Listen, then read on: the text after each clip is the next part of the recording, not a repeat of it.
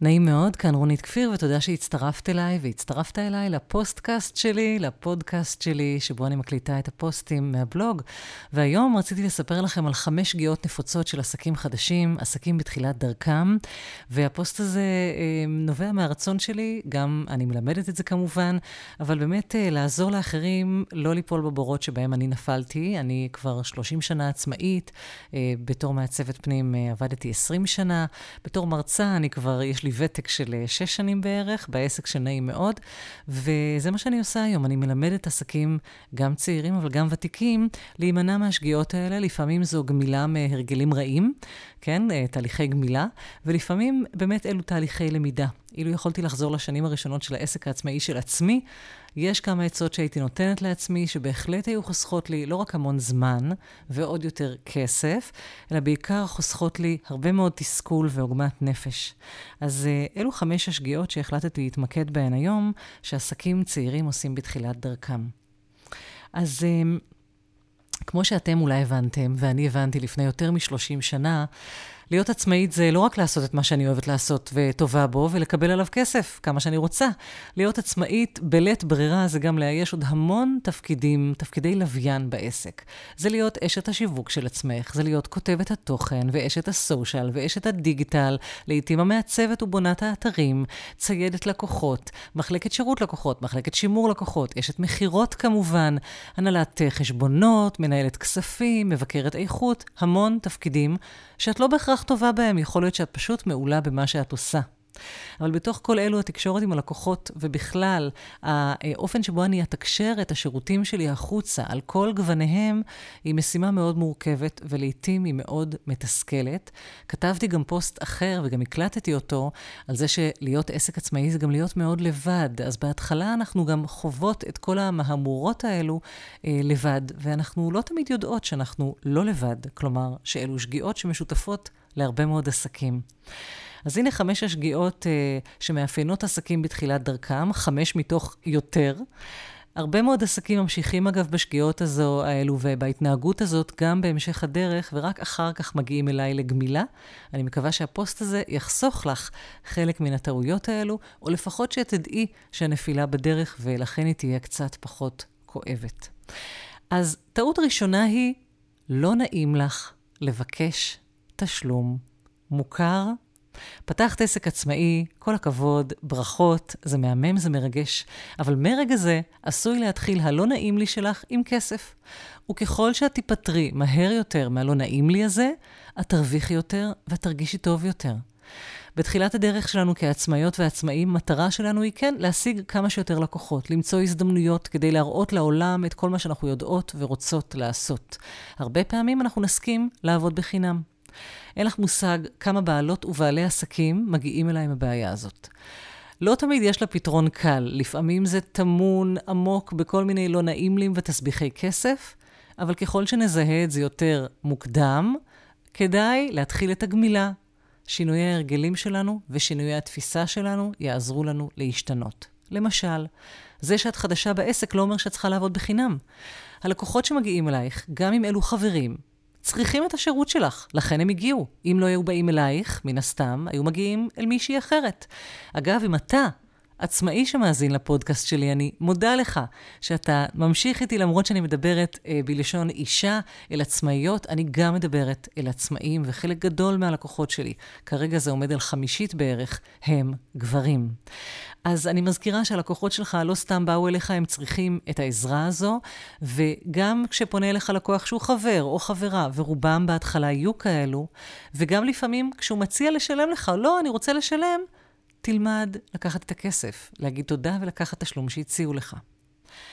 אז איך לא לעבוד בחינם בתחילת הדרך העצמאית שלכם? או, אז כמו שינוי של כל הרגל מזיק אחר, השחרור מ"לא נעים לי לבקש כסף" אה, הוא מצריך מודעות, הוא מצריך תשומת לב ואימון, הרבה מאוד פרקטיס. אפשר ללמוד נוסחאות, אפשר לחשב חישובים, אפשר להתייעץ בכל מיני פורומים, אבל אם לא נעים לך או לא נעים לך לבקש תשלום, זה לא דבר שאפשר לעבוד רק על פתרון שכלתני. כאן, מה שצריך זה לעשות עבודה רגשית, אבל חשוב להתחיל מהפתרון השכלתני. כלומר, התמחור שלכם צריך להתחיל ממשהו רציונלי. כן, לכו ללמד, תלמדו את השוק.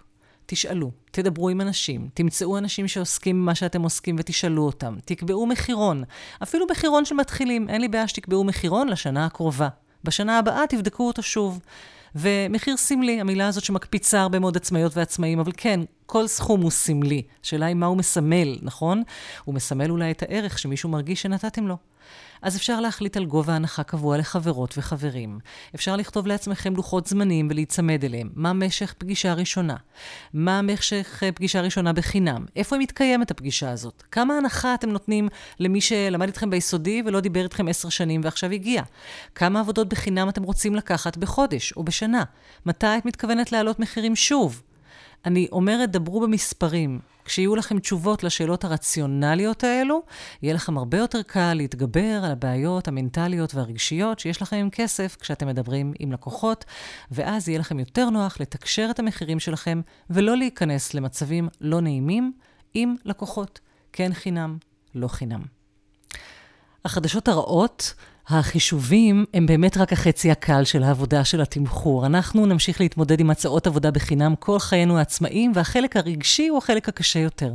אבל החדשות הטובות, ככל שנלמד להבין את הערך שלנו ולתקשר את הערך שלנו, החלק הרגשי יהיה קל יותר. כלי העזר המעשיים שאני מזמינה אתכם uh, לרכוש או לצפות בחינם כדי לעזור לכם להתגבר על גבייה כבר מהרגע הראשון. בקורס תעשי לי מחיר, שיעור אחת על תמחור יהיה רלוונטי לכם, שיעור שמונה, חככה, חברים, חינם וחשיפה יהיה רלוונטי לכם, ויש לי ביוטיוב שני סרטונים, אחד על תמחור והשני זה הרצאה שלמה שנקראים כולם, נקראת כולם מדברים על מחיר, אף אחד לא מדבר על ערך. עד כאן הטעות הראשונה. טעות שנייה, לא נעים לך להגיד לא. אז בתחילת הדרך שלי כמעצבת פנים, הייתי בת 30, היו לי כבר 12 שנות ניסיון כמגישה וקריינית, הייתי מה שמכונה טאלנט. אמרתי כן ליותר מדי הצעות.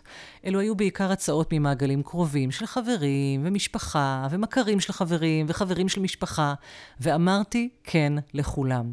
גם לחברים רחוקים מדי, גם כשהייתי עמוסה מדי, גם כשאלו היו דברים שבכלל לא התחשק לי לעשות, גם לאנשים שמהרגע הראשון תחושת הבטן שלי אמרה לי לא, גם לאנשים שהיה סיוט לעבוד איתם, וגם כשזה היה כמעט בחינם או לגמרי בחינם. אמרתי כן. אז כן, בהחלט צריך לקחת עבודות בתחילת הדרך, אפילו להגיד כן לעבודות שלא בדיוק בדיוק עבודות החלומות שלכם. אבל לכל אחד יש את האינטואיציות שלו שאומרות לו מתי משהו לא מתאים. לכל אחת גם. כשאת אומרת כן לדברים מתוך פחד, שלא יבואו דברים אחרים, את עשויה למצוא את עצמך מתרחקת מהחזון העסקי שלך, עובדת עם אנשים לא נעימים, מתבאסת, כועסת על עצמך, סובלת, מפסידה כסף, ובעיקר מאוד לא נהנית. גם בהתחלה, לא לכל לקוח אתם צריכים להגיד כן. לפעמים עדיף לחכות להזדמנות מדויקת יותר, מאשר למלא את היומן על כל הצעה שמגיעה. זה לא קל, אבל גם זה סחרור מסוכן מאוד, שיכול ללוות אתכם הרבה שנים בעסק. זה שלא יהיה לכם נעים להגיד לא. אז איך אפשר ללמוד להגיד לא להצעות לא מתאימות? תשמעו. לא קל להגיד לא. אני פוגשת נשים וגברים, גם אחרי שנים ארוכות המקצוע שלהם עדיין נורא לא נעים להם וקשה להם לסרב לעבודות, לא נעים להם שהלקוחות ירגישו דחויים. עקרונית, אני נגד שקרים, כי הם נורא מסבכים אותנו עם עוד שקרים ועוד שקרים, וגם גורמים לנו להרגיש נורא עלובים אחר כך. אבל אני אומרת, אם יותר קל לך להמציא שקר לבן כרגע, שבנימוס אה, יעזור לך להגיד לא, וואלה, בסדר. אישית, אני בעד כנות. אני חושבת, ואני מדברת על זה הרבה מאוד, שאפשר לומר את האמת, גם בלי לומר את כל האמת. אפשר להגיד בנימוס ללקוחות שהפרויקט לא מתאים לסוג העבודות שאת עושה, או שהפרויקט לא מתאים למומחיות שאתה רוצה לפתח. נדמה לכם שאנשים נורא התבאסו עליכם שאמרתם להם לא, אבל המציאות מלמדת, ואני מדברת גם מניסיוני וגם מניסיונם של רבים רבים מתלמידיי ואנשים שבאו אליי לפגישות ייעוץ, אנשים מאוד יעריכו אתכם על כנות, וגם על אמביציה. הם יגידו, וואלה, אתה יודע מה, אני גם הייתי צריכה לעשות את זה בתחילת דרכי. אז החדשות הרעות הן שלשמוע ולהגיד לא יהיה חלק מהותי מהחיים שלכם כעסק עצמאי, זה אף פעם לא יהיה קל. אולי קל יותר, אבל לא תמיד זה קל ונעים לדחות בקשה או לפטר לקוח. החדשות הטובות הן, יש לכם לקוחות, קיבלתם הצעות, אתם עושים משהו נכון בשיווק. ככל שנתמודד מהר יותר עם להגיד לא, ונשאל את עצמנו למה אני כן רוצה להגיד כן, אני אקצר את הדרך שלי למקום אליו אני שואפת להגיע. אז עדיף להתפתל עכשיו ולעשות את העבודה הקשה על ההתחלה, מאשר להיתקע עם זה במורד הדרך, כשאת כבר עובדת עם מישהו וממש סובלת ותקועה עם לקוחות שאת לא נהנית מהם, ואת אפילו שוקלת לסגור את העסק העצמאי שלך. אני פגשתי הרבה נשים וגם גברים כאלו. כלי עזר מעשיים להתגבר על הרתיעה מלהגיד לא, יש לי פוסט מקסים בבלוג על טקסים, תחפשו אותו, יש אותו גם בגרסת אודיו. יש לי טבלאות באינסטגרם תחת ההאשטג דברו business על איך להגיד לא ללקוחות, ויש לי גם סרטון ביוטיוב על להגיד לא ללקוחות. כל הלינקים האלו בפוסט הכתוב. ועכשיו, שגיאה שלישית. לא נעים לך לשווק. חלק עצום מהזמן שלי בניהול העסק העצמאי שלי הוא שיווק. זה לפעמים 80% מהיום שלי. ואצל כל עסק, זה ליצור תוכן ולהקליט את הפוסט הזה ולכתוב את הבלוג הזה ולעצב לו בקנווה ולהעלות אותו לסטורי ולהעלות אותו לפיד ולשלוח אותו לדיבור ולכתוב רשימות תפוצה ולעשות להטוטי SEO לאתר שלי. אין לזה סוף. לביישנים, לאנשים שאין להם ניסיון בכל התחומים האלו, עוד יותר קשה. עסקים בתחילת הדרך, אבל, לפעמים מחכים עם השיווק. הם אומרים לי, אני מחכה שיהיו לי מספיק עבודות להראות לעולם, שיהיה לי משהו שאני ממש מתגאה בו. כן, עשיתי כאן בית, אבל הוא עוד לא מצולם מספיק יפה. הם מחכים שיגיע הלקוח שימליץ עליהם בדיוק לקהל הנכון. הם כל הזמן רואים את עצמם כעסקים מתחילים, ולכן גם אחרי כמה שנים, ואחרי לא מעט לקוחות, את עדיין אומרת, טוב, אני בתחילת הדרך, ולא נעים לך לשווק, כי זה תירוץ מעולה להימנע מלשווק. הרבה אנשים שלא מאוד רוצים לשווק כי הם מתביישים, וזה קשה להם, זה לא הרגל שלהם לעלות על במות ולהגיד, תראו אותי. התירוץ של אני עסק חדש, נותן להם אחלה הגנה מפני לכי ותתחילי לשווק. אבל יש לי סרט על זה, שיווק לביישנים. לשווק לא אומר ללכת ברחוב עם שלט ענק ומגפון ולצעוק, אני הכי טובה, או רק היום, בואו. תסתכלי מסביב, את מוקפת בהמון לקוחות פוטנציאליים, שאין לך אולי אפילו מושג, ואין להם אפילו מושג, מה בדיוק את עושה. למה? כי לא נעים לך לשווק. אז איך להתחיל לשווק בלי לעשות מזה סיפור? תשמעו. לפני שאתם מתחילים ומתחילות לספר לכל העולם על עצמכם, ולעשות פוסטרים, ולהעלות אתרים, ולעשות רשימות דיוור, תתחילו בקרוב, תתחילו במעגלים הקרובים. שווה לבדוק אם כבר סיפרת לאנשים שהכי קרובים אלייך, מה את עושה? ולא להגיד להם, אני כותבת תוכן, כי אנשים לא יודעים מה זה כותבת תוכן. תספרי להם, אתמול כתבתי פסקה לפייסבוק של אה, חברה לעיצוב נעליים. תספרו להם על העבודות שלכם, תשתפו אותם בפרויקטים שלכם. מעבר לנוכחות דיגיטלית שחשוב שתייצרו כשיש לכם עסק, תעזרו לכל מי שנמצא במעגלים הקרובים אליכם לדעת מה אתם עושים. צריך להתחיל את השיווק בבית. מה, מתי הייתה לך למשל שיחה עם ההורים שלך על העסק שלך? מתי דיברת עם החברות שלך על הפרויקטים האחרונים? מתי דיברת עם הגיסות ועם השכנים? האם הם יודעים בדיוק מה את עושה? האם ההורים בגן של הילדים יודעים בדיוק מה את עושה? או איזה פרויקטים? לא רק את הטייטל, סיפורים. אז כמו בסעיף הקודם, הלקוחות הראשונים בעסק עצמאי יגיעו תמיד מהמעגלים הקרובים. אז בואו ננצל את זה. חשוב לדאוג שכולם ידעו מה אתם עושים. סיפור קצר על פרויקט שהתחלת ילמד את כולם הרבה יותר מאשר הטייטל של העסק שלך, שאף אחד לא מבין. מה זה אה, יועצת דיגיטל? מה זה בונה מערכות מידע? תרחיבו, תספרו. יכול להיות שלהם יש קשרים שאתם צריכים והם אפילו לא מודעים לזה. החדשות הרעות, כן, שיווק יהיה גם חלק בלתי נפרד מהחיים שלכם כעסק עצמאי, וזה חלק שלא רצוי לתת אותו אף פעם למישהו אחר. אתם תמיד תשווקו את עצמכם הכי טוב. וגם שנראה לכם שלאחרות, או לי למשל, זה קל, גם כשזה נהיה קל זה עדיין המון עבודה. לעתים זה בא לי בקלות, אבל אני, לא, זה לא כך בא לי בקלות גם. אני משקיעה בזה המון זמן ומאמץ. החדשות הטובות, שברגע זה יש ממש קרוב אליכם המון אנשים שמתים לפרגן לכם אם רק תצאו ותבקשו. צריך פוש ראשון של גאווה, והפרגון הזה כבר יגיע ויחזור אליכם בצורת לקוחות ובצורת עבודות. אז כלי העזר המעשיים כדי לעזור לכם לשווק בלי להרגיש סיילסמנים, יש לי הרצאה נהדרת על storytelling, שתעזור לכם לספר את הסיפור של העסק ולשכנע לקוחות. אה, יש לי סרטוני יוטיוב, שניים, על שיווק לביישנים ושיווק לביישנים חלק ב'. ממליצה לכם לצפות בהם, יש לינקים בפוסט הכתוב. 4. לא נעים לך לבקש המלצות. אז עוד הרגל שכדאי לכם לסגל כבר מתחילת הדרך היא סוג של, הוא סוג של שימור לקוחות. הדרך הבטוחה והטובה ביותר להרחיב את מעגל הלקוחות שלכם, כמו שאתם יודעים, היא המלצות של לקוחות קיימים. המלצות, מה שנקרא, מפה לאוזן. אבל לא תמיד נעים לכם אחרי עבודה לבקש מלקוחות שעבדתם איתם המלצה. בין אם זו בקשה לשלוח משוב, בין אם זו המלצה אה, בגוגל או באתר שלכם. אז איך לבקש המלצות מלקוחות? קודם כל, בואו נחשוב על עצמנו בתור לקוחות. דמיינו רגע שמתקשר אליכם ספק שעבדתם איתו ונהניתם מאוד, והוא מבקש המלצה. סביר להניח שתשמחו להמליץ עליו.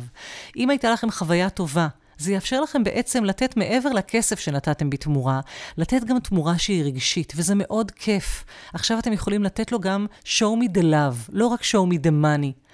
ולקוחות שנהנינו לעבוד איתם בעבר, ישמחו שנמליץ עליהם, כפי שלקוחות שאתם עבדתם איתם, לקוחות שנהנו לעבוד איתכם, ישמחו להמליץ עליכם. כן, זה קצת לא נעים, אבל זה יכול להפוך להיות נעים מאוד. אז שווה להתגבר גם כאן על אי הנעימות הזו, על הביישנות הזאת, כדי להמשיך להרחיב את מעגלי הלקוחות הטובים ביותר שלכם, ולהרחיב את הפה לאוזן. אז אפשר להתחיל כבר עכשיו להקים איזשהו סוג של מאגר לקוחות, להישאר בקשר עם הלקוחות שלכם.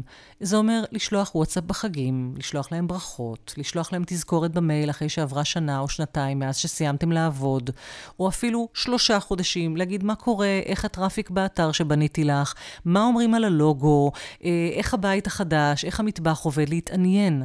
לפעמים דרישת שלום קטנה, קפיצה קטנה לשאול מה שלומם, תזכיר ללקוחות שלכם שוואי, בדיוק חשבתי עליך, בדיוק דיברתי עלייך עם מישהי. אז מספיק לנסח איזשהו מייל קצר עם לינקים שתשלחו אותם ללקוחות, לינקים למשל למשוב. אתם לא חייבים אה, להביך אותם בשיחה, אפשר גם לשלוח להם משהו שאפשר למלא אונליין, וככה אה, במשוב זה ייתן לכם גם כלים ללמוד את השפה שבה הם מתארים את העבודה איתכם, שזה אחלה כלים לשיווק. כאן אני מפנה להרצאה של כנרת יפרח על אפיון שפת משתמש, מאוד ממליצה עליה.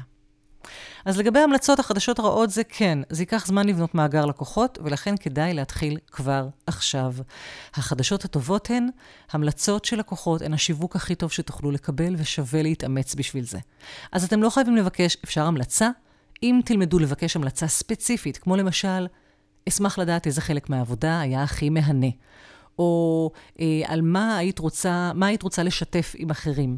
סביר שתקבלו המלצה אה, שהיא תשובה מדויקת, שתעזור לכם מאוד בשיווק. ואנשים מאוד אוהבים שמכוונים אותם, ולא עם שאלות פתוחות, אלא עם משימות מאוד מאוד מוגדרות. מה שמביא אותי עוד מעט לסעיף החמישי והאחרון. אבל לפני כן, כלי עזר מעשיים שיעזרו לך לאסוף המלצות מלקוחות. שיעור 4 בקורס תעשי לי מחיר ילמד אותך איך לדבר בביטחון. ממש שיעור קריינות שהוא מאוד כיפי, ויש לי סרט ביוטיוב על איך להציג את עצמי, ואם אתם רוצים לשלוח שובר מתנה, תודה ללקוח שהמליץ לכם על, או חברה שהמליצה לכם על אה, לקוחות והביאה לכם את הלקוחות הבאים, יש לי באתר שוברי מתנה שאפשר לקנות. הטעות החמישית והאחרונה היא, לא נעים לכם להוביל, להיות החלטיים. אחד הלקחים, באמת, הדברים שהכי היה לי קשה ללמוד בעסק שלי, ולמדתי אותו אחרי הרבה מאוד שנים, גם כמעצבת פנים, אולי אחרי עשר שנים, זה ללמוד להוביל את הלקוחות שלי בביטחון. אני מדברת על זה בהרצאה שלי מלא נעים לי לנעים מאוד. היה לי לקוח, בני, שעל כל הצעה שלי הוא מיד אמר כן, וזה פשוט חירפן אותי וזה הלחיץ אותי מאוד, ואז גיליתי כמה זה מלחיץ כשלקוחות כן סומכים עלייך. מצד שני, איזה כיף זה, כשאתם מתקדמים בביטחון והם סומכים עלייך והולכים אחרייך. אחד ההבדלים הגדולים ביותר בין עסק מתחיל לעסק ותיק, הוא באמת ההבדל של בין להיות אה, ביצועיסטית לבין להיות מנהיגה. אה, הגיוני יותר שבתחילת הדרך לקוחות ייקחו אתכם מלכתחילה, כי הם רצו לעשות משהו טכני, איזושהי עבודה שחורה, מה שנקרא, כן? איזשהו שירות, אתם תרגישו כמו ביצועיסטיות. בסדר, הגיוני. אבל עם הזמן, אתם תרצו שיגיעו אליכם לקוחות בזכות הכישורים הייחודיים שלכם, ולא רק בזכות היכולות המקצועיות הגנריות שלכם.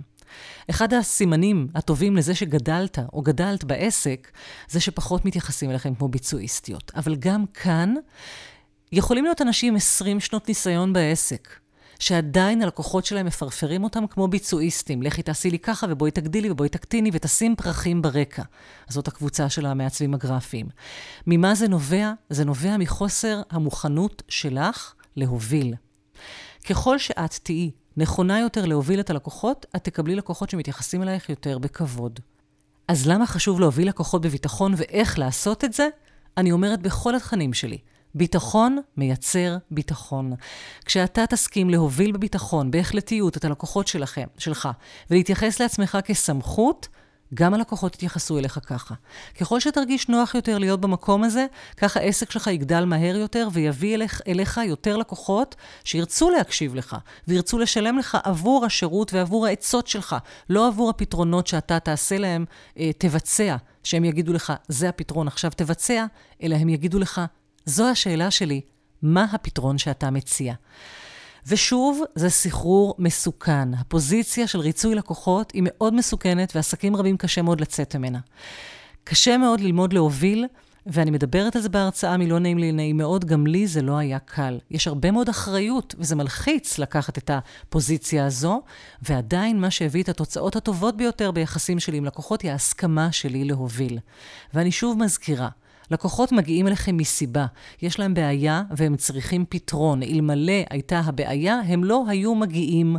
ואולי הם חושבים שהם יודעים מה הפתרון, אבל אם אתם תצליחו לשכנע אותם מה הפתרון שנכון להם, אה, אז אתם לא רק תפתרו את הבעיה שלהם, אלא אתם גם תיתנו להם ביטחון, אתם תיתנו להם את השקט הזה, אוקיי? אם בן אדם ינסה לפתור את המצב בעצמו ולא יצליח, או שהוא יאשים אתכם בכישלון של זה, או שהוא פשוט ילך למישהו אחר, אוקיי? לפעמים לשאול לקוחות מה הם רוצים, בעיניכם זה שירותיות. אבל זה מלחיץ בטירוף. תחשבי רגע על זה שאת הולכת לרופא שיניים, ופתאום הוא שואל אותך, אז תגידי, באיזה מקדח כדאי לך שאני אשתמש? את רוצה ש... מה בא לך? המקדח ה-2 מילימטר או המקדח ה-1.5? ואת כאילו, מה? את בלחץ, מה פתאום אתה שואל את השאלות האלה? אתה צריך להיות מקצוען, תחליט עליי. אז uh, החדשות הרעות זה, כן, ביטחון עצמי, ומקצועי, זה אכן דבר שנבנה לאט ולעיתים בייסורים. אין הרבה קיצורי דרך, אין ספק זה שורש העבודה. אבל ככל שתפתחו אותו, הוא ישפיע על הלקוחות שלכם, זה יהיה ממש משהו של איזון חוזר וכדור שלג טוב. זה ישפיע גם על תחושת הסיפוק של הלקוחות שלכם מהעבודה שלכם. החדשות הטובות, זוכרת את ההמלצות של הלקוחות מהסעיף הקודם? ככל שתאספי כאלה, יהיו לך יותר חיזוקים לביטחון שלך, ואת תוכלי להשתפר, ותנסי לחשוב על הלקוחות הכי טובים שהיו לך.